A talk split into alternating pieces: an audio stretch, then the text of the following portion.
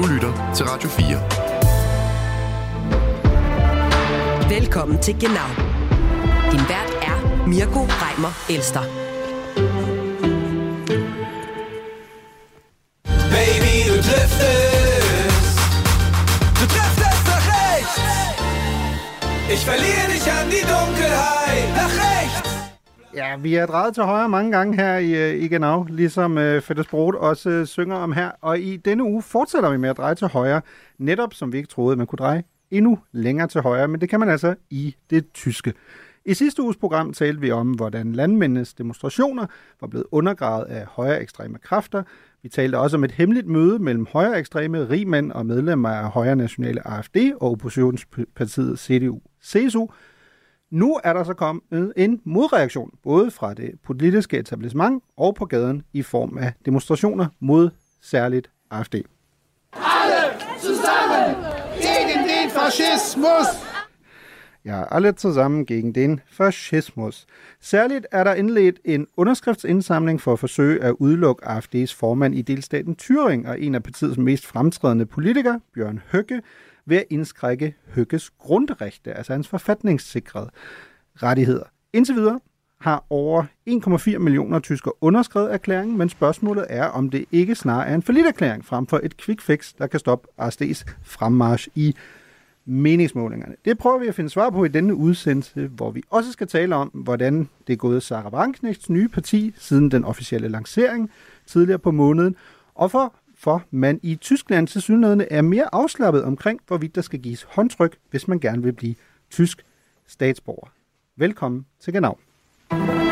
Du lytter til Genau på Radio 4. Velkommen også til ugens gæster, Lukas Lausen, Public Affairs rådgiver og leder for geopolitik og EU i konsulenthuset Rud Pedersen, Mads Jetzini, junioranalytiker i Tænketanken Europa, tysk studerende på Københavns Universitet, og David Barnwood, journalist og udgiver, udgiver af nyhedsbrevet Fejn med fra München. Herzlich velkommen til alle tre. tak. Tak, tak det. Lad os øh, starte med at fortsætte snakken fra sidste uge, nemlig det vi talte om det her meget, meget omtalte møde, i mellem øh, blandt andet medlemmer af AFD, rigmænd og højre ekstremister. Et møde, som blev afholdt i en villa i udkanten af Potsdam, og som blev afsløret af mediet Korrektiv. Det er jo en historie, der stadig får tyskerne virkelig op af stolene. Vi talte som sagt om det i sidste uges genau, men det har sidenhen også været emne for det, man kalder aktuelle stunde i formundsdagen, så sent som i går torsdag, og der så vi en sjælden enighed mellem Ampel-regeringen og det største oppositionsparti, altså kristendemokraterne CDU. CSU. Ifølge dem viser deltagelsen ved det hemmelige orienterede, højorienterede møde, altså at AFD havde deltaget, det viser AFD's sande ansigt, påstår det, man kan kalde den politiske midte i Tyskland. Og så har der som sagt også været masser af folk på gaden. Denne gang var det så bare ikke landmænd, men tysker, som har demonstreret både mod højre øh, drejning i samfundet og mod AfD. Es reicht mir. Ich habe totale Angst, dass wir hier wieder gleichgeschaltet werden von der Presse, dass hier wieder junge Leute mit Springerstiefeln durch die Straßen marschieren und sich das Recht des Stärkeren durchsetzen. Darum bin ich da.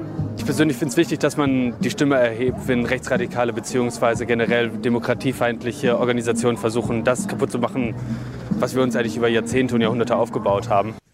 Ja, det, det er stærke ord, vi hører her. Først en, en dame, der siger, at hun er, hun er bange for, at vi får en ensretning af pressen igen, og at man kommer til at se folk i springerstiefel i, igen i, i Tysklands gader. En, øh, en henvisning til, til nazitiden. Og så er der en øh, yngre øh, mand, der siger, at han synes, det er vigtigt, at man går på gaden, når han mener, at der ligesom er, øh, demokratiet er under angreb. Og det er også der, jeg egentlig gerne vil starte med i den her uge. Øh, den tyske politolog... Øh, Klaus Legevi, han har været ude i den her uge i Deutschlandfunk, hvor han har sagt om det, der sker, das demokratische Deutschland pennt. Altså det demokratiske Tyskland snorksover. Øh, lad mig starte med, med dig, Lukas Lausen. Er du enig i det?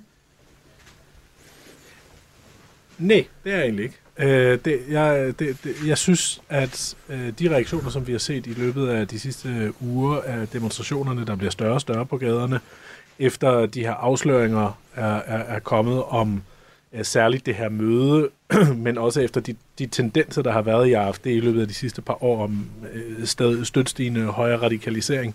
øh, faktisk er rart, altså at, at se den tyske, altså, tyskere, der er utilfreds, og der er oprørte over, hvad der foregår på gaden om det her.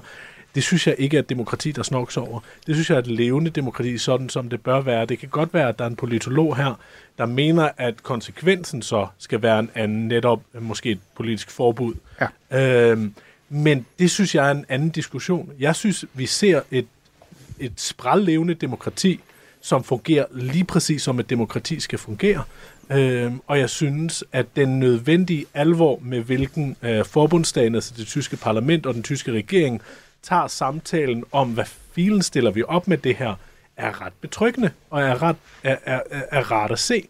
Øhm, så, så det er faktisk øh, ret grundlæggende u, uenig med, med, med, med politologen i. Jeg er ret fortrøstningsfuld, at samtalen om det her er enormt vigtig.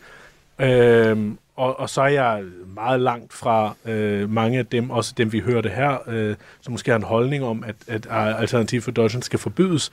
Det er så langt vil jeg stadig ikke gå. Vi har diskuteret det tidligere, også mm. i, i, i dit Og program. vi kommer, Mirko. til, vi kommer til at diskutere det igen i dag, Præcis. men øh, det gør vi lidt senere, ja, præcis. Hvad, hvad siger du, øh, Jatsini? Hvor, hvad siger du? Fordi man kan jo også vende om at sige, øh, som, som Lukas siger, men prøv at høre, det her er jo tegn på et levende demokrati. Der er folk, der går på gaden. Man kan jo så vende om at sige, ja, måske lidt sent. AFD skulle op på plus 20 procent i meningsmålingerne. Vi, skulle have, vi, vi, vi fik afsløring af det her møde. Øh, vi skal nok øh, tale om nogle af de planer, der blev diskuteret, som vi også vendte i sidste uge. Men det er måske også lige lovligt sent, eller hvad?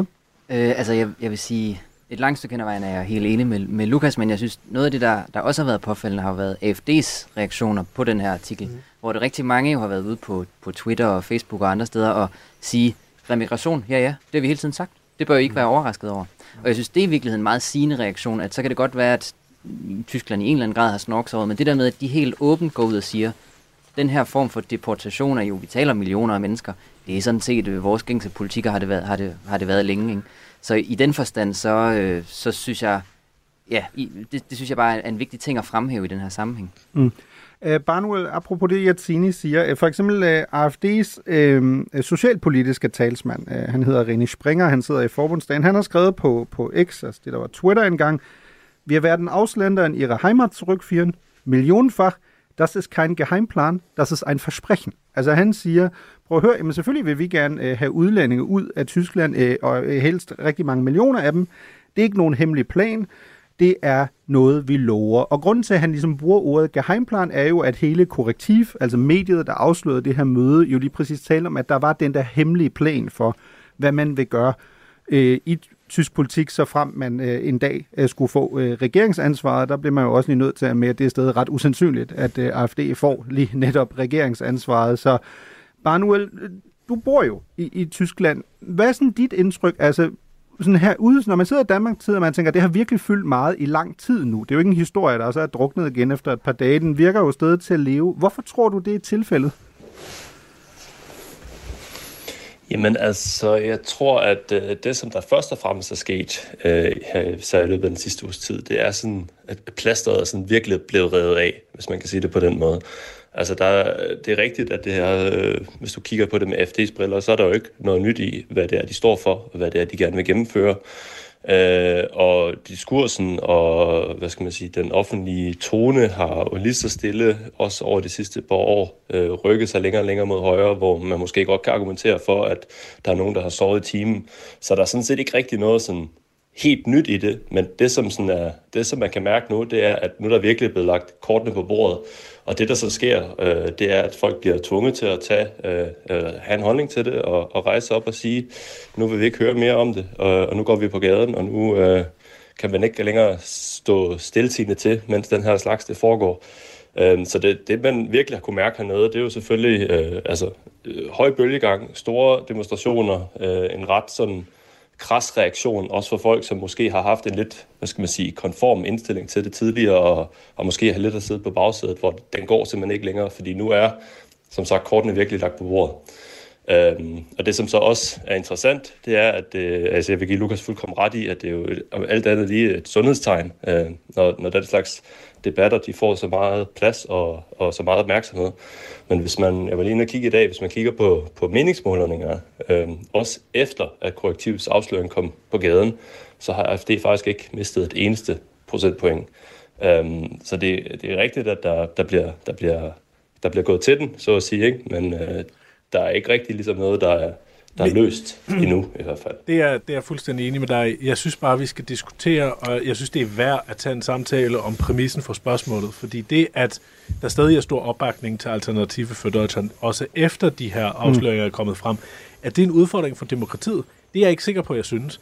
Øhm, jeg synes, de planer, som Alternative for Deutschland har i, i, i visse udstrækninger, kan være en udfordring for demokratiet, simpelthen fordi de er demokrati under, undergravende. Mm. Øhm, det, at der er en stor politisk opbakning i befolkningen til store dele af Alternative for Deutschlands program, som de vedkender sig, øhm, det er jeg ikke sikker på, at jeg vil definere som en demokratisk udfordring. Det vil jeg definere som en politisk udfordring, og, og måske også som en, en, en, en, en, en juridisk udfordring. Men, men det er ikke en demokratisk udfordring for mig, mm. at, øh, og, og, og, og, og, og det samme gør sig gældende i forhold til de vælgergrupper, øh, Alternativ for Deutschland måske får engageret i politik. Øh, det her er mennesker, der for visse dele har været vendt væk fra politik i, i lang tid, og nu vender tilbage til politik. Så kan vi godt stå her og være enige om, og det er der mange andre, der heldigvis også er, at den politik, de så går ind for, ikke er den rigtige, for at sige det mildt, men, men, men det er ikke udemokratisk. Nej, jeg, jeg er helt enig øh, sådan set øh, med, med det, I siger. Specielt den her pointe om, at man skal skille det demokratiske problem fra det politiske problem, fordi i virkeligheden synes jeg netop, at altså, det demokratiske problem mm. må være, at der er så mange mennesker, som vælger et parti, som ingen vil samarbejde med. Det tror mm. jeg, Nora Sina også har bragt op tidligere mm. i programmet. At det, det er det, der er det demokratiske problem. Øh, I virkeligheden er man ikke i stand til at producere, nemlig politik, mm. eller en politisk løsning på, på, på det, som AFD øh, taler om, ikke? eller de problemer, ja. de ligesom tager op. Men man kan jo også, altså i forhold til det, I, I taler om her, fordi det lyder som om en del af jeres, øh, egentlig lidt alle jeres sådan, tres argument er lidt det der med, men prøv at høre, det handler mere om, at du har dannet dig et sådan, sådan et fuldbyrdet indtryk af, hvad det er, du stemmer på, hvis du stemmer på AFD, og du skal ligesom vide, hvad du, hvad du får med. Og det er blandt andet, at man, man har deltaget i sådan et, uh, i sådan et møde her. Øh, noget af det, man jo godt kan stusse lidt over i forhold til, at Korrektivs øh, artikel har fået så meget opmærksomhed, er jo, som, som Jetzini også var inde på, det er jo ikke sådan, at AFD-politikere er gået stille med dørene omkring det, hvis vi, hvis vi tager øh, øh, Høgge, altså øh, formand i Thüringen for, for AFD, øh, vi skal nok tale lidt mere om ham senere, øh, han var så sent som i 2018, altså for seks år siden, ude at sige, at øh, man gik ind for en großangelegtes remigrationsprojekt. Ja. Altså, så det er jo ikke sådan, at man aldrig har vidst, hvad politikere i AFD øh, gerne vil være. Så, så bare altså prøv at forklare mig, hvad, hvad er din tolkning af, hvorfor er det så, at den her artikel lige pludselig eksploderer i forhold til, hvordan man diskuterer det her emne i Tyskland. Har det kun noget at gøre med, at situationen simpelthen er en anden nu? Fordi da Høgge sagde det der i 2018, der stod AFD bare ikke til plus 20 procent i meningsmålingerne og potentielt til at blive det største parti i nogle østtyske øh, delstater. Og hvis det er pizzabud, øh, Barnwell, så henter du selvfølgelig bare lige den pizza først. Øh, det, det, det er klart. Øh, og så svarer du bare bagefter, ikke? jeg skulle bare lige trykke på knappen. Øhm, nej, jeg tror, at selvfølgelig har det noget at gøre med, øh, hvordan prognoserne og hvordan øh, meningsmålerne de står i øjeblikket. Altså i Thüringen, Sachsen og Brandenburg, der øh, står AFD jo mere eller mindre, øh, eller de svæver ret konstant om de 30 procent. Så der, man kigger ind i en helt ny politisk virkelighed, øh, som måske, måske ikke har været undervejs i et stykke tid, men som, som pludselig går hen og bliver, bliver meget, meget reel. Og når en herre som Høgge, han så også så prominent kommer i, i forreste linje på, på godt og ondt, altså man kan jo diskutere langt frem og tilbage, om, om det er godt eller skidt for Høgge, det er jeg sikker på, at vi også kommer ind på. Um, så øh, kommer sådan en omgang øh, til at generere en hel masse opmærksomhed og en hel masse debat. Altså det tror jeg, altså det er fuldstændig mm. uomgåeligt. Øh, jeg er jo meget, meget enig i, at, øh, at man skal passe på med at definere det som et demokratisk problem. Altså det, som er i anførselstegn faren ved AFD, det er jo, at øh, det, som de langfristede arbejder imod, øh, helt strategisk, det er jo ikke, hvad skal man sige, en, en overtagelse fra i næste uge eller fra næste valg. Det er sådan en helt fundamental øh, restrukturering af det mm. tyske demokrati, hvor man blandt andet kan få indflydelse på, hvem der bliver valgt til forfatningsdomstolen i, i dommersæderne osv., og det er der, hvor det begynder at blive et, et, hvad skal man sige, et demokratisk problem, hvis det er, at øh, at hvad skal man sige, den langfristede strategi er noget, der er autoritært og frihedsindskrænkende. Men derudover, så er det jo selvfølgelig et politisk problem. Altså, så må man jo komme med et, et modsvar, hvis ikke man er enig. Og der kan man jo bare konstatere, at hvis man ligger på 30-35 procent, så er det jo en, en, en fejlslagen strategi fra modstanderne, og så er det jo i bund og grund deres problem, fordi man kan jo ikke med rette fortælle folk, hvad de skal stemme på, eller hvad de skal mene. Det er jo en form for politisk smagsdommeri, som i bund og grund øh, går i den fuldstændig forkerte retning. Så øh, så er det måske lidt en kedelig position, så bliver det alle gode gange tre, altså jeg er rørende enig. Jeg synes jo i virkeligheden, den her afsløring øh, også afslører vores egen naivitet. Øh, og øh, ikke vores her i lokalet måske specifikt, men, Nej, kun din. Men, Men, kun min egen. Ja. Øh, tyske politikere og så den tyske offentligheds, øh, selvfølgelig ikke andre tre, dem, jeg skal ikke tage til indtægt for det, øh, na- naivitet. Men som Mirko, som du har citeret, Alternativ for Deutschland har ikke nødvendigvis lagt skjul på, at de er højorienterede, og de har trådet til nazistiske, fascistiske øh, organisationer. Det har de som sådan set taget som et, et hædersmarkat. Mange af dem i hvert fald. Øhm, at vi så har diskuteret i, i, i overvis efterhånden, om, om det giver anledning til at betragte dem som højorienterede. Det synes jeg er lidt en funky, øh, for, for, funky diskussion. Øhm, det, det, den, den, den kan vi måske godt, godt reversere lidt på nu. Men jeg tror, vi blev, lige så, vi blev også overrasket over, hvor, over os selv, og hvor naive vi har været, da, det her, øh, da den her rapportage kom frem. Og, Øhm, om at man øh, som, øh, som lidt forpjusket højreorienteret organisation som AFD eller parti blev betragtet, øh, kunne være så dygtig i, i sin planlægning og kunne være så præcis i sit, øh, i sit arbejde ved at indkalde, eller i hvert fald deltage i sådan noget meget struktureret, højreorienteret samarbejde. Jeg tror, vi bliver overrasket over det, og, og, at, at, og vi bliver overrasket over, at vi ikke har set, at selvfølgelig arbejder de struktureret efter at få omsat det, de rent faktisk mener øhm, til, til, til noget gennemgribende, og det gør man ved at mødes med folk, der gider finansiere det. Det gør man ved at mødes med folk, der kan tænke nogle kloge tanker på, på området. Det gør andre organisationer og partier i øvrigt også. Mm. De har bare lidt, lidt andre holdninger.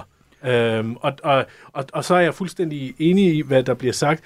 Det her er jo også en afsløring af de andre partiers dårlige arbejde. Øhm, altså at man, at man giver øh, plads til, at Alternativ for Deutschland kan vokse sig til det klart største parti i flere delstater, og til et af de største partier på forbundsplan. Det, det, det, det, det, det, det, det er jo ikke, det, det, det, det kan partierne godt, fordi partierne godt kan lide det, klandrer Alternativ for Deutschland for, men det er jo deres fejl. Det er jo partiernes ej, det er de tyske socialdemokrater, så konservative, så liberale, så grønnes fejl, at der kunne opstå så stort et rum til, øh, til partiet Alternative for Deutschland. Det må de anerkende, og det må de, det må mm. de gøre op med sig selv. Det skal de lade være med at slå Alternative for Deutschland i hovedet for. Det skal de slå sig selv i hovedet overfor. Mm. Hvis vi, hvis vi tager en, der har været ude i sådan en ret skarp kritik af lige præcis også i det etablerede, som, som kan virke en anelse ironisk, det vender vi tilbage til, så er det Torsten Frey fra, fra Kristendemokraterne. Han sagde blandt andet i forbindelse med den her aktuelle stunde i forbundsdagen, han sagde, at selvfølgelig kunne man, skulle man konsekvent gå imod øh, partier, der angreb øh, retsstatens grundlag, øh, som han mener, AFD øh, gør. Men han siger også, at han, at han mener, at det er vigtigt at henvise til, at, øh, at det, at AFD står så stærkt i meningsmålinger, siger han citat, hænger jo også afgørende sammen med, at 80 procent af tyskerne simpelthen ikke tror, at den her regering bedriver en øh, politik, som er godt øh, for det her land. Og der kan man jo sige, okay, det er også nemt nok, når du øh, står øh, og er en del af et oppositionsparti, øh, der er hammerløs på en jo meget, meget upopulær øh, ampelregering, som vi også har talt meget om i, i det her program. Yatsini, jeg sidder så alligevel lidt og tænker også i forhold til, hvordan vi taler om det her. Selvfølgelig er det vigtigt at, at tage tyren ved hornene og tale om AFD, men en del af det, som jo ikke har fået knap så meget opmærksomhed, er, at der sad jo altså også medlemmer fra CDU øh, med til, til det her møde, især fra deres meget konservative afdeling, der hedder Verte Union. Altså sådan, Som især jeg dem, jo tror, de er i gang med at smide ud nu. Ja, Ja, det er præcis. Ja. Øh, og igen, øh, der kommer jo ofte udviklinger, mens vi optager det her program. Det kan sagtens være, at nogle af dem faktisk er øh, blevet smidt ud. Men pointen er, synes jeg bare, at øh, sådan, også i forhold til det her Jetsini, jamen, det her er jo ikke kun den yderste højrefløj. Altså, der sidder også øh, medlemmer af kristendemokraterne, altså det største øh, regeringsbærende parti, der til, øh, eller, øh, tidligere, re, tidligere regeringsbærende mm. Parti med til sådan et møde her i slutningen af november, som så bliver afstået, så det stikker jo noget dybere. Mm. Ja, det gør det, og, og det ene ting er politikere, og noget andet er netop de der ideologtyper, som Martin Zellner, der er en, en østrisk øh, højre ekstrem, men jo så ja, også, som var hovedtaler, som, som var, vi, vi ved på, på det her møde Ja, den 25. præcis. november. Men jo så til synligheden, hvis man i hvert fald skal, skal tro den her korrektivartikel, så er jo også alle mulige pengemænding, altså fra forskellige øh, virksomheder, og er det den der øh, Hans, Hansem Gløk, eller sådan en burgerkæde og sådan noget, der på en eller anden måde også skulle have været med. Så, øh, så, så det er helt rigtigt, det har selvfølgelig trådet ud af alle mulige steder. Jeg synes netop, nu fremhæver du den der Værteunion, den er jo utrolig interessant i den her sammenhæng, fordi den sådan set forsøger at, at grundlægge AFD igen på en eller anden måde. Den, den har identificeret, om der er et eller andet hul der til højre for CDU, netop fordi, at den politiske kultur er sådan, som, som, som Lukas beskriver den, at jamen, der er ingen, der vil samarbejde med dem, og det er i virkeligheden det, der har, måske har været problemet. Og der, som værteunion, går man så ud og siger, jamen, kan vi fylde det hul der i virkeligheden? Ja. Øh, og så, så det, det synes jeg faktisk er, altså jeg, jeg synes det er interessant det der med, at der er så mange partigrundlæggelser og tanker om, altså også Wagenknecht og Værtunion, altså det, det, det tyder på, at der er behov for et eller andet større opbrud eller sådan noget i, i tysk politik. Ikke? Måske et behov for, at man går lidt væk fra den der tanke om, at det skal være stort og bredt og stabilt. Mm. Måske skulle man kigge mod Skandinavien og mindretalsregeringen. Ja, lige præcis. Men, men som du også siger, Jensine, altså Werteunion er jo også en, en gren af, af kristendemokraterne, der også i Merkel-årene var enormt kritisk over for den vej ind mod midten, øh, som, som altså CDU øh, særligt øh, øh, foretog. Så at de er ret oprørt over, at, øh, at der nu er et parti til højre for dem, der står til plus 20 procent, er måske ikke så overraskende, men det er jo der, vi er tilbage til, om, som Lukas også sagde, om det måske er det bedste selskab, man så omgiver sig med, når man er blandt andet øh, omgives af typer som Martin Sellner her til, til det her møde uden for øh, øh, Potsdam. Noget andet af det, jeg gerne vil tale med jer om, som I jo også allerede er begyndt at tale lidt om, det er den der øh, forbudsdiskussion. Vi har haft den før, ikke nav, skal man forbyde AFD, ja eller nej. Der er kommet en ny øh, meningsmåling fra, fra Bild-Zeitung, Tysklands største tabloidavis, hvor øh, spørgsmålet lød, er du mere for eller imod et AFD-forbud? Og man kan, mildes, man kan roligt sige, at tysk befolkning er meget splittet i det her spørgsmål. 45 procent er for et AFD-forbud, 42 procent er imod, og 13 procent ved det ikke. Og så synes jeg også, det var meget interessant at byde mærke i, at der er et klar større andel af mænd, der er imod, at man forbyder AFD. Der er 46 procent af mændene, der er imod, mens det blandt kvinderne kun er 38 procent. Øh, Barnuel, den der diskussion, øh, som sagt, den har jo kørt. Ikke? Spiegel havde en stor forside tilbage i efteråret.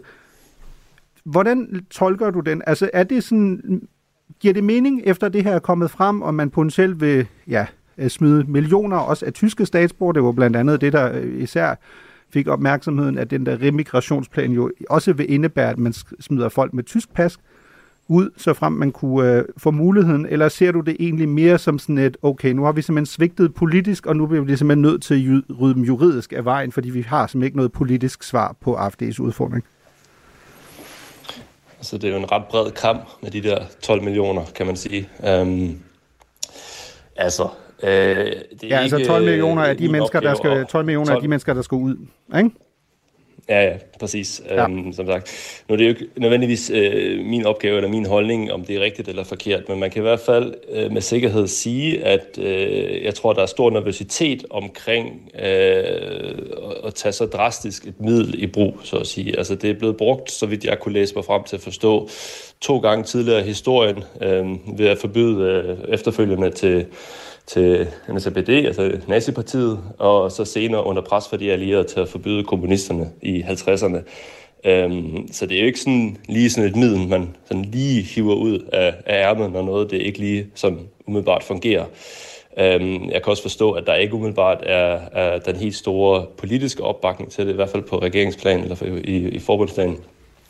Så det er, om ikke andet, så er det jo, hvad skal man sige, ikke noget, man bare lige sådan gør, hvis man kan sige det på den måde.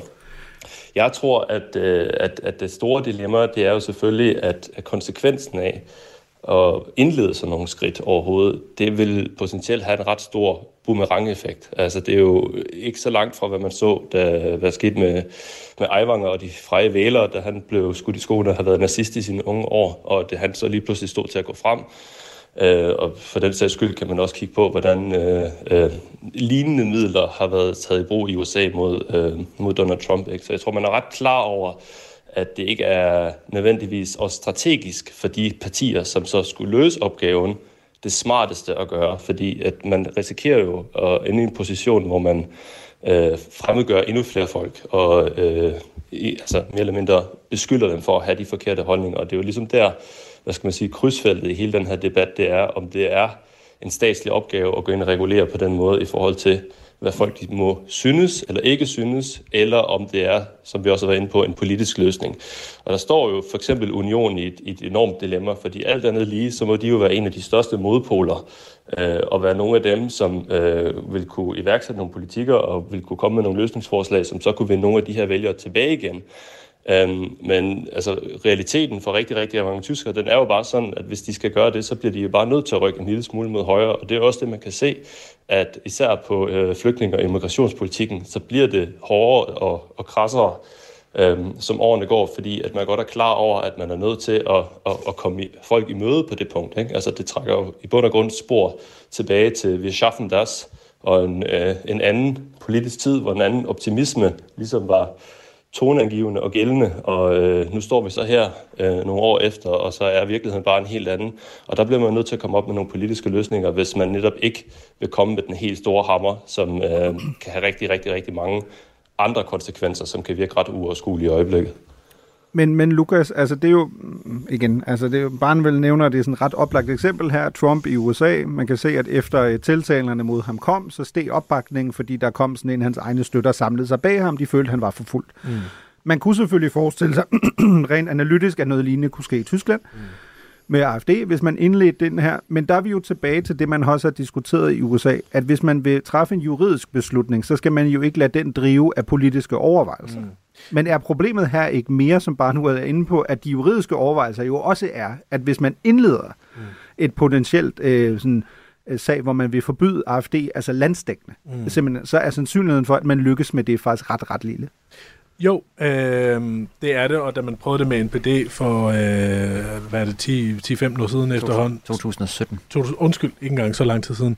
Øh, der, der, der var det en, en kæmpe fiasko, og, øh, og det samme tror jeg vil gøre sig gældende omkring øh, et forbudsforsøg mod Alternativ for Deutschland, og jeg mener også, at det Altså, at det, det, er den, det, det, det, det er den helt forkerte retning at gå i. Altså, det her er en politisk udfordring, og den skal bekæmpes politisk. Da Franz Josef Strauss var formand for, øh, for øh, og, og ledende figur i de tyske konservative, øh, der havde man politik om og en vedtaget doktrin om, at der ikke måtte være plads til højre for mm. CDU-CSU i tysk politik. Øh, det kan man mene om, hvad man vil, og man kan også mene om øh, Strauss og, og, og det konservative Tyskland dengang, om hvad man vil. Når vi ser på fakta, så kan vi bare se, at det fungerede.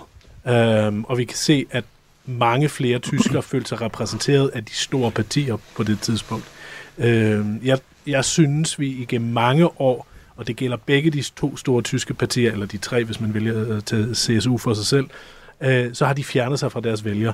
Det, og, og, og partier, der ligesom som, som de store tyske partier har haft for vane de sidste mange år, øh, siger, at jamen, det er ikke galt med os, det er galt med vælgerne, og på et eller andet tidspunkt skal de nok indse det, kommer til at fejle, øh, kommer i hvert fald til at blive udfordret så kraftigt, øh, som vi ser det nu ved fremkomsten af Alternativ for Deutschland på højrefløjen, som, øh, som ekstremt stærkt parti, og lige om lidt begynder vi at se uh, de langsigtede effekter af projektet omkring Sarah Wagenknecht på venstrefløjen, mm. uh, som opstår på grund af inkompetence hos de andre partier. Mm. Uh, på grund af manglende evne til at fagne store, store, store dele af befolkningen.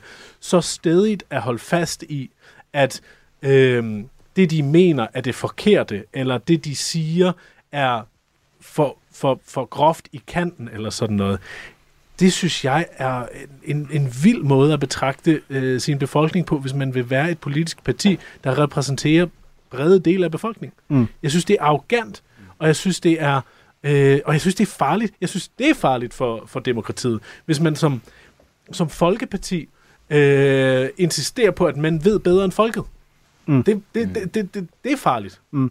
Lad os tage, når nu, vi skal nok komme til, til Wagenknecht, men lad os også øh, vende tilbage til, en, I, har, I har talt lidt om ham med øh, Bjørn Høgge, altså AFD's mm. partileder i, i delstaten Thüringen, fordi der er en relativt direkte overgang her, fordi den ene diskussion er ligesom, om man skal forbyde AFD på landsplan, men den diskussion, der også kører i Tyskland, er jo, hvorvidt man faktisk kan fratage Bjørn Høgge Altså en ledende tysk politiker i en delstat, hvor AfD godt kan blive største øh, parti, potentielt mm. regeringsbærende til, til valgene til september, hvor man skal fratage ham nogle af hans normalt øh, forfatningssikrede grundrettigheder. Lad os starte med at høre, hvordan Høgge generelt har reageret på den her afsløring, der var i korrektiv, som vi har talt så meget om, fordi han ser den også som et øh, demokratisk problem, men han har en lidt anden fortolkning af, hvorfor det er et demokratisk problem, end det, man diskuterer i store dele af det resterende Tyskland. Jetzt dieser angebliche Skandal um ein privates Treffen in Berlin. Wo sind wir hingekommen, dass man sich nicht mehr privat treffen kann und über alles reden kann? Können wir überhaupt noch von einer Demokratie reden? Nein, natürlich nicht. Das ist keine Demokratie mehr. Das ist ein Halbtotalitarismus, in dem wir leben. Und das muss sich ändern. Es muss wieder eine Demokratie werden. Deutschland muss frei und souverän werden. Ja, jeg kan jo godt afsløre, at det er jo radio, så man kan jo ikke se jeres reaktioner her, her i studiet, men uh, der er i hvert fald nogle øjenbryn. Der er nogle øjenbryn, der bliver løftet, fordi det Høgge jo siger er, jamen hvad er det, der sker? Det er jo et halvt totalitært samfund, vi har her. Man kan ikke engang mødes privat længere uh, og have nogle snakke. Uh, en ting, hvem Høgge er. Men det næste er jo, hvem Høgge står i spidsen for. Han står i spidsen for AFD's lokalafdeling i Thüringen, som af forfatningsdomstolen bliver kategoriseret som mm gesichert rechtsekstrem. Altså det betyder kort fortalt, at der er ikke nogen tvivl om, at det er et, høj, det er et, et højere radikalt et lokalt parti. Og der, hvor den del, detalje selvfølgelig bliver interessant, er i forhold til den underskriftsindsamling, som jo nu er, er blevet startet, hvor man simpelthen prøver at fratage øh, uh, AFD's uh, øh, partiformand i delstaten Thüringen, hvor der skal være valg til efteråret, nogle af hans øh, uh, reti- grund, uh, forfatningssikrede rettigheder, heriblandt muligheden for, at han kan blive valgt. Øh, og den øh, petition er i øh, på nuværende tidspunkt her øh, fredag eftermiddag blevet underskrevet af 1,4 millioner tyskere. Det betyder helt lavpræsk, at øh, nu er øh, forbundsdagen forpligtet til at tage den op mm. til debat. Men der er vi vel tilbage til det der dilemma, vi taler om hele tiden, at øh, hvad tror du, der sker der, Jatine? Du kan jo godt i teorien prøve at indskrænke mandens øh, frihedsrettigheder, men det kunne, der er vi jo måske tilbage til boomerang-effekten. Det, det kan man sagtens, ja. Altså, men ja, det er lidt boomerang-effekten, eller altså, jeg har tænkt på det meget som at hugge hovedet af en hydreng, at sådan, der skal nok vokse to, tre, fire hoveder mere fra. Altså, det er jo ikke sådan, at folks holdninger netop forsvinder mm. overnight, bare fordi man skaffer for eksempel lederen af af vejen. Noget andet i, i den der sammenhæng, der nu nævner du delstatsfraktionen i Thüringen, altså noget andet, der er interessant, er, at man har også talt om, jamen, kan man så forbyde dem måske på delstatsplan, i stedet for at forbyde partiet mm. på nationalplan, kan man så gå ind og, og løse det, det, det, det, det på den måde. Øhm, men, men det vil jo være, jeg synes, at nu kalder Høgge det for totalitært og sådan noget, det, det, så langt vil jeg ikke gå, men der er jo en pointe i, at det er nogle forfatningsinstrumenter, som er opstået i en tid, hvor Tyskland var mere autoritært i hvert fald. Mm. Altså, det er opstået i tiden umiddelbart efter en verdenskrig, og ligesom under Adenauer, hvor, som, som jo var alt andet lige, og uden sammenligning, så var det et andet Tyskland dengang, der havde en lidt mere sådan håndfast omgang med dem, de ikke brød sig om, både ja. på højre og venstre. Ikke? Ja, der var, der var også måske lidt, der skulle luse ud efter, efter det, det tredje rig. Så kan man så diskutere, hvor meget det blev i praksis. Men, men noget andet, øh, som selvfølgelig også er interessant her, Lukas, det er jo, at vi, apropos din øh, pointe, Tine, vi har jo haft fire fortilfælde for, at man faktisk har prøvet at, at indskrænke øh, folks frihedsrettigheder. Blandt andet tilbage i 1960 øh, prøvede man at gøre det mod øh, næstformand i det, der hed Socialistische Reichspartei, Otto Ernst Re- øh, Remer.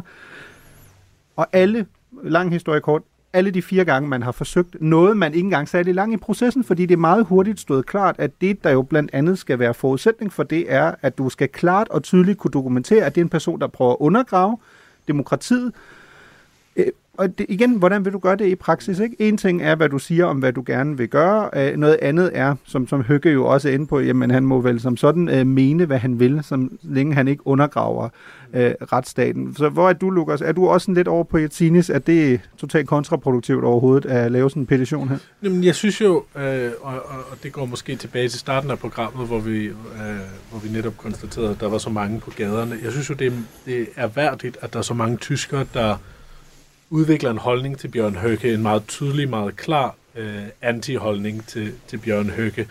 Øh, at man underskriver en petition om, at manden skal forsvinde, øh, som det i princippet er, kan jeg godt forstå.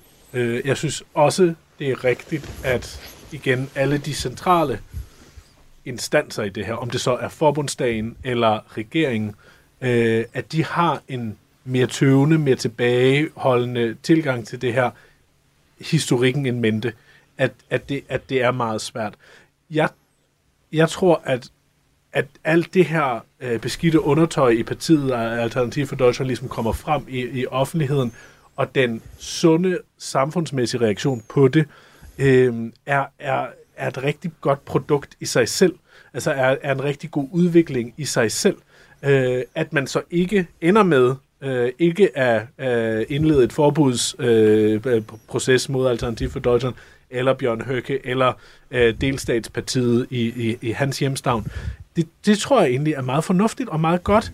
Øh, bare det, at vi får debatten om det, tror jeg styrker det tyske demokrati. Du lytter til Genau på Radio 4. Nå, jeg, jeg troede faktisk aldrig, at jeg skulle øh, komme til at sige det her i, uh, i Genau, men øh, uh, sat lidt på spidsen skal vi jo så nu tale om, hvorvidt Sarah Wagenknechter alle kan redde det tyske demokrati uh, fra, uh, fra, uh, fra AFD, fordi uh, det vi skal tale om nu er jo selvfølgelig, at uh, vi også talte om det før i programmet, Wagenknecht havde jo i overvis luftet de her tanker om, at uh, at stifte sit eget parti. Det fik vi så, Bündnis Sarah Wagenknecht, her i begyndelsen af januar øh, fik vi ligesom præsenteret nogle af hovedelementerne, og hvem der også i øvrigt skal være en del af partiet, øh, undtagen Sarah Wagenknecht, som jo lidt er sådan et one-man-band.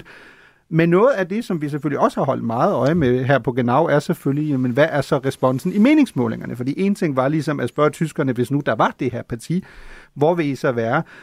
Men hvad er nu, hvor vi har partiet? Der var en, øh, som jo har været særlig øjnefaldende, det er fra øh, instituttet INSA, og der stod Varenknægts parti til 17 procents opbakning i Thüringen, hvor det jo ellers er AfD, øh, der dominerer. Så der kan man selvfølgelig enten have våde drømme om en regering med Bjørn, Hæk, Bjørn Høgge og Sarah Wagenknecht. Det stiller sig bare ikke op i, i, i delstaten. Men det, som jeg egentlig gerne vil tale med om her, er lige præcis den rolle, som Wagenknecht kan spille. Og jeg vil selvfølgelig lige indlede med at sige, at de der målinger har jo også været enormt interessante, fordi de går i øst og vest. Altså det er alt fra tocifret og tæt på 20'erne til, til 4%, så der er jo en enorm usikkerhed tydeligvis også i forhold til at af, af mål, altså den opbakning, der potentielt måtte være, men lad os starte med at høre fra hovedpersonen selv, nemlig Sarah Wagenknecht den 8. januar i år. Viele Menschen können ja einfach mit diesen Labels links oder auch rechts nicht mehr viel anfangen. Und das ist ein Kernproblem. Wenn man, das, wenn man eine linke Identität so definiert, dass dafür essentiell ist, sich für soziale Gerechtigkeit einzusetzen, eine Stimme auch derer zu sein, die in unserer Gesellschaft immer unter die Räder kommen, die seit Jahren von der Politik vergessen wurden. In dem Sinne, natürlich äh, treten wir dieses Erbe an und wollen es auch ausdrücklich. Aber für viele Menschen ist links ja heutzutage mit ganz anderen Debatten besetzt. Da geht es um Genderfragen, da geht es um Lifestyle-Fragen und davon fühlen sie sich nicht mehr vertreten. Und deswegen werden wir diese Labels nicht für uns äh, benutzen. Sie werden Ihr Urteil finden, wie, wir, wie Sie uns einordnen. Det er simpelthen så moderne. I en tid med flydende kønsidentitet og alt muligt andet, kommer Zara Wagenknecht på banen og siger, prøv at høre højre og venstre. Det kan du overhovedet ikke bruge til noget længere, fordi folk er jo så mange ting på, på én ja. gang. Barnwell, jeg, jeg sådan lytter lidt til det der og tænker, okay, men det er med med ikke en klar profilering. Altså, det er sådan hverken fugl eller fisk, ikke? Det er ikke højre, det er ikke venstre. Tror du, er der, altså, kan man simpelthen appellere til tilpas mange tysker med det? Det er hverken fugl eller fisk, men på den anden side er det også sådan en, en vidunderlig hybrid, ikke? Altså, det er jo et ret... Øh, sikkert er det forkert ord, men det er et ret bredt fundament, øh, rent politisk, kunne ligesom gå i vælten med, ikke? Øh, og det tror jeg, altså, det tror jeg, der måske sagtens kan være noget i, om det lige er så er Wagenknecht af alle mennesker, der skal redde det tyske demokrati, hvis man vil gå så langt. Det, det, det tør jeg ikke sige, men man kan i hvert fald slå fast, at hun har ramt noget på et tidspunkt, hvor der virkelig også var noget at ramme hos formentlig en, en del mennesker. Altså det der partiprogram, det skyder jo altså, i alle retninger. Ikke? Altså der er jo også noget med noget selvfølgelig med noget social retfærdighed og en restrukturering af skattesystemet, men der er også øh, øh, altså en stram flygtningepolitik. Øh, der er opdæmning for støtte til Ukraine. Der er god gammeldags øh, kritik af NATO's rolle på den internationale scene, osv., osv., osv.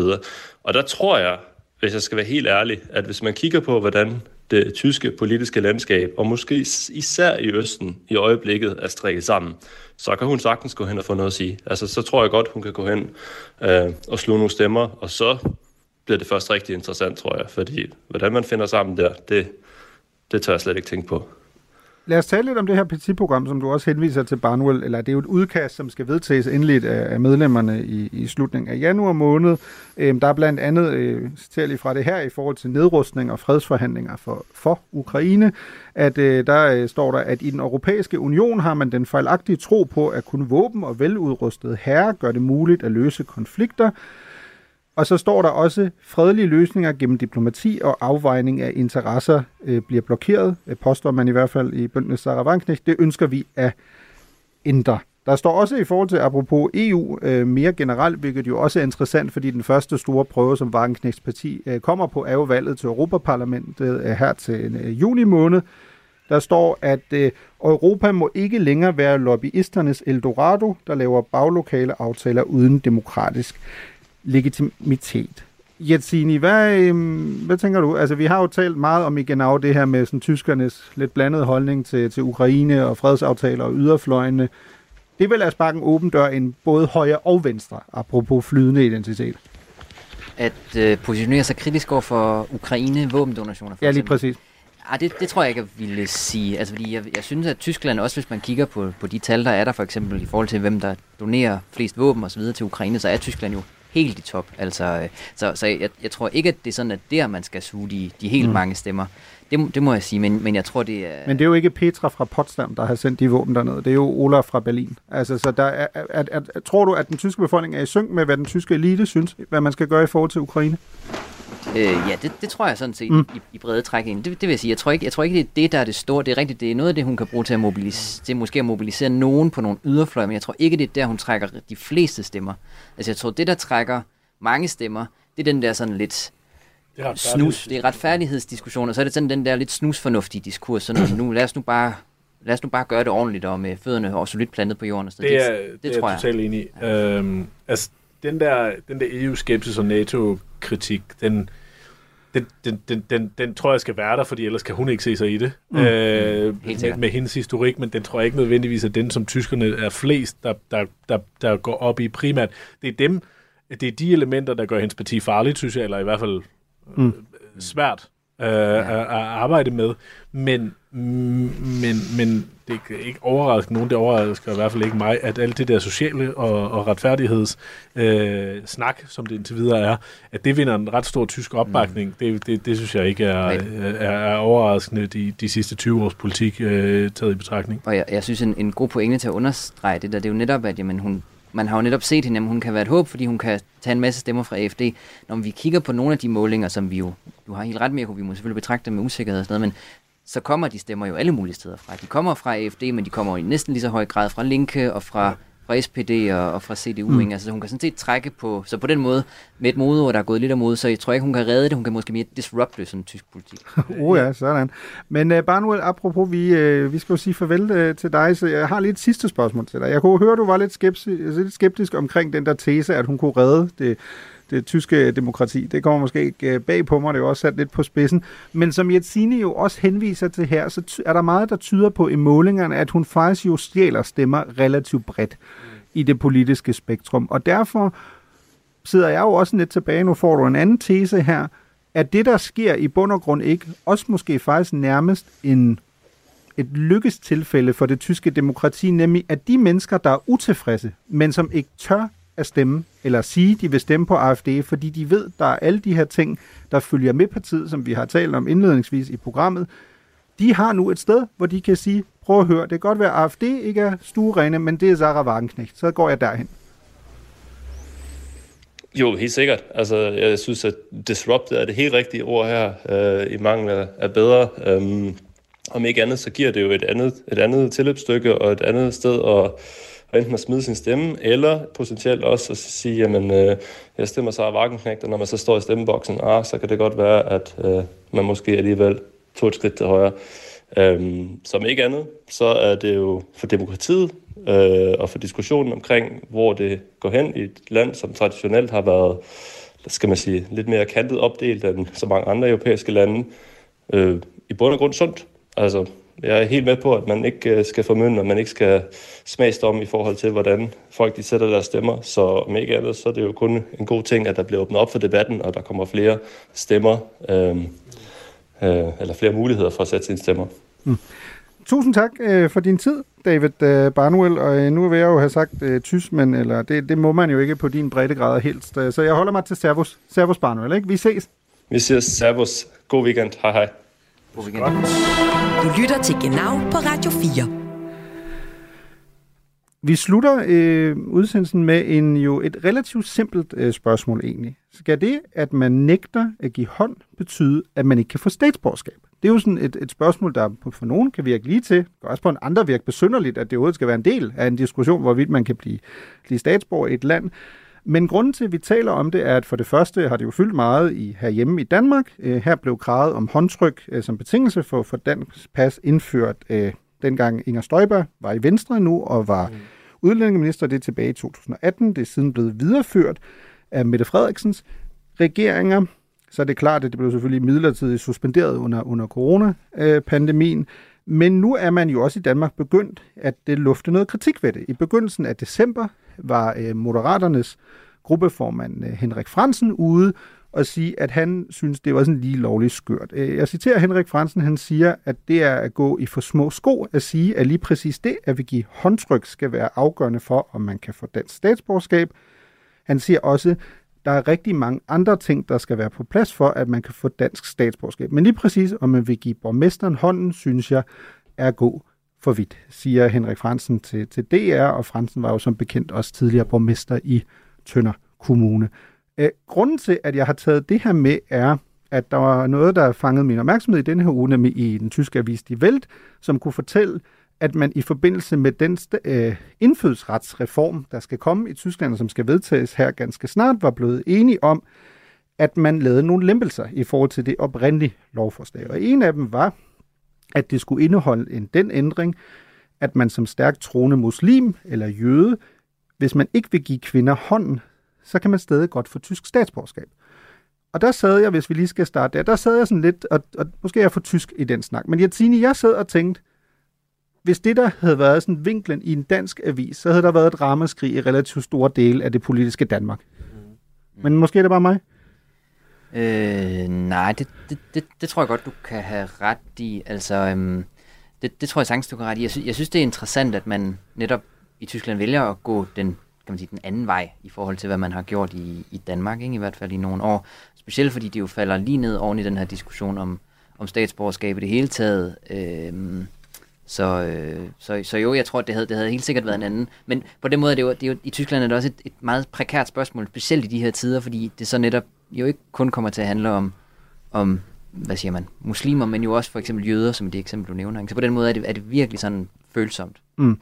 Lad mig lige uddybe, inden jeg kommer til dig, Lausen, fordi øh, Velt har som sagt sit udkastet til den der ændring, og der står, at hvis ansøgeren troværdigt påviser, at det ikke er muligt for ham eller hende at give hånd til en person af et andet køn, når han eller hun hilser og eller siger farvel på grund af sit trosamfunds ufravigelige regler, så kan det ikke bruges imod ansøgeren inden for øh, i forhold til, til den her ansøgning. Og der står, øh, men det er så en vigtig tilføjelse, dette gælder dog kun, citat, hvis der er hvis der efter indfødsretsmyndighedens opfattelse ikke er noget som helst bevis for, at vedkommende tilsidesætter de lige rettigheder for mænd og kvinder, der er fastsat i grundloven. Og der sad jeg og tænkte, det bliver sådan lige lovligt skrankepaveagtigt, fordi det, hvordan kan det ene ikke nærmest sådan lidt unuanceret sagt føre til det ene? Hvis du ikke vil give hånd for eksempel til en kvinde, er det så ikke et ret klart bevis for, at den der med, at du de facto egentlig uh, anerkender lige rettigheder mellem mænd og kvinder, er det ikke et ret stærkt tegn på, at det gør du ikke i praksis?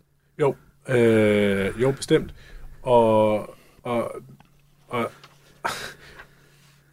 det, det gør det, men jeg synes jo også, at altså, øh, øh, øh, det, det, interessant, det interessante i virkeligheden ligger i at, at, kigge på, at Tyskland med sin øh, nu 70-årige øh, over på banen ligesom vælger at træ, træffe en beslutning, hvor man siger, at religion faktisk i nogen i nogen, noget omfang står over loven. Øhm, det, er, øhm, det er en ny udvikling øh, i forhold til, hvad, hvad jeg ligesom har set. Jeg, jeg, jeg, jeg, kan ikke på stående fod gøre mig til dommer over, om jeg synes, det er en god eller en dårlig beslutning, men jeg har, øh, jeg har meget svært ved at se, at det der ikke skulle blive en glidebane. Altså, mm. at man ikke på, på, på samme måde kan argumentere for øh, religiøse særrettigheder i, på en række områder, hvor øh, individer med udpræget grad af religiøsitet har ønsker om særrettigheder. Og det tror jeg godt kan blive en udfordring for Tyskland og det tyske samfund som, som helhed i, øh, i fremtiden. Jensini, der er øhm, SPD's parlamentariske øhm, gruppes næstformand, han hedder Dirk Wiese, han har været ude i den her uge, han har ligesom prøvet at forklare blandt andet, hvor, hvorfor man er nået til den erkendelse, og han siger, at mens man ligesom havde det her lovforslag i, i høring, og blandt andet talt med ekspertgrupper, så blev man især af religiøse organisationer gjort opmærksom på, jeg citerer ham her, at øh, der er religioner, hvor det at undgå berøring spiller en rolle i den ortodoxe praksis.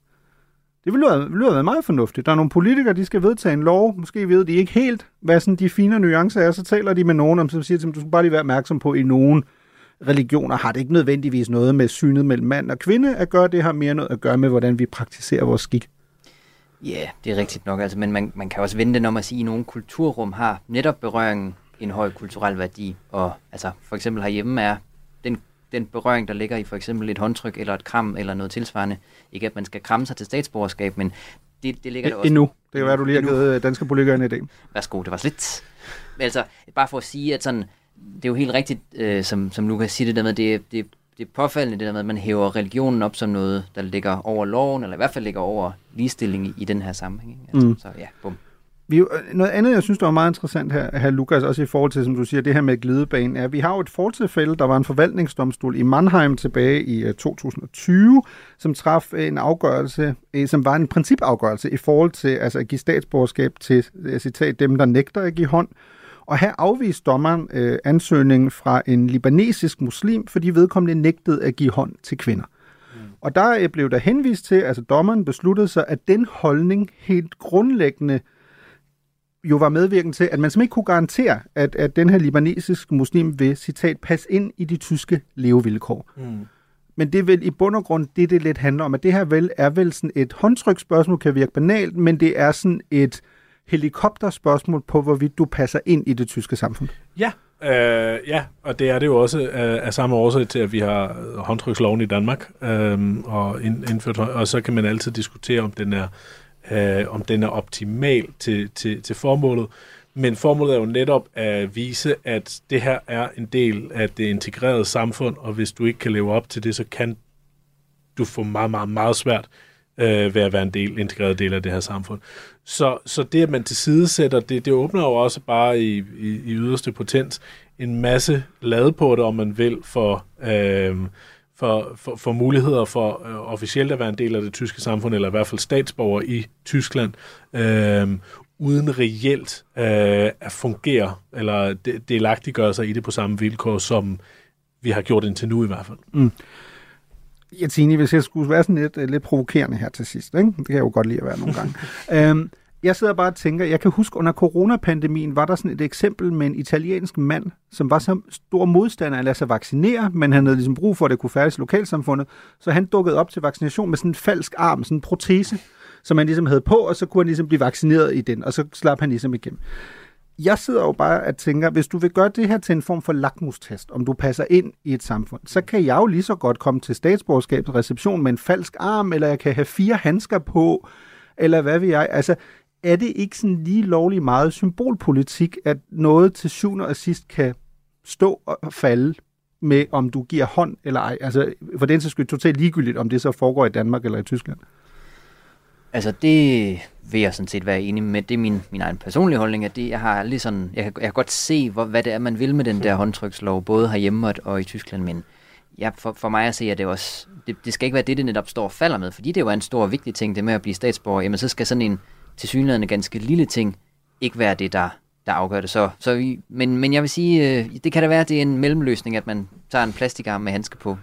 Ja, det kan da godt være en god mellemløsning. endnu, en, endnu en løsning, der, der er givet videre her i programmet. Lukas, hvad siger du til det? Fordi det, altså, det er jo sådan et mere principielt spørgsmål. Ja. Kan du sikre dig, at uh, selv hvis uh, Mohammed har givet hånden til indfødsretsrepression, eller David for den sags skyld har gjort det, eller Mirko, eller hvem det så måtte være, mm kan du så sikre dig, at det er det, der ligesom øh, kan overbevise dig om, at vedkommende ligesom bliver en, en lovlydig øh, borger, der passer godt ind i det danske eller det tyske samfund? Nej, det kan, ikke, det, det kan jo ikke stå som en, en eller anden øh, ultimativ markør på, om du kan være en del af samfundet eller ej.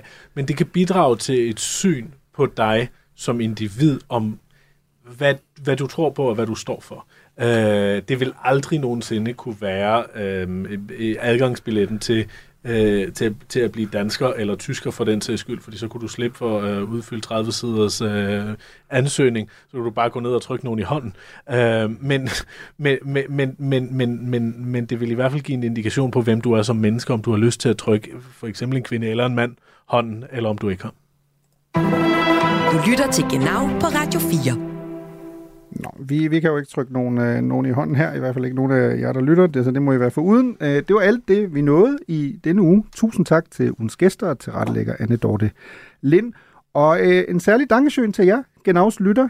Det er jo jer, der udgør en stor del af programmets eksistensberettelse, og her fra redaktion skal der især lyde en stor tak til alle jer, der har været stamgæste i programmets øh, nu 221 episoder. Og grunden til, at jeg hæver, hæver det der specifikke antal, er, at jeg også gerne vil sige en særlig tak til mange af jer nye lytter, der gjorde sidste uges program til det mest lyttede afsnit genau indtil videre. Vielen herzlichen Dank. Vi slutter ugens program med den måske mest kendte tyske sang mod højere ekstremisme, nemlig Die Ärztes Schrei nach Liebe, der blev udgivet i 1993. Auf Wiederhören. Seine Gewalt ist nur ein stummer Schrei nach Liebe.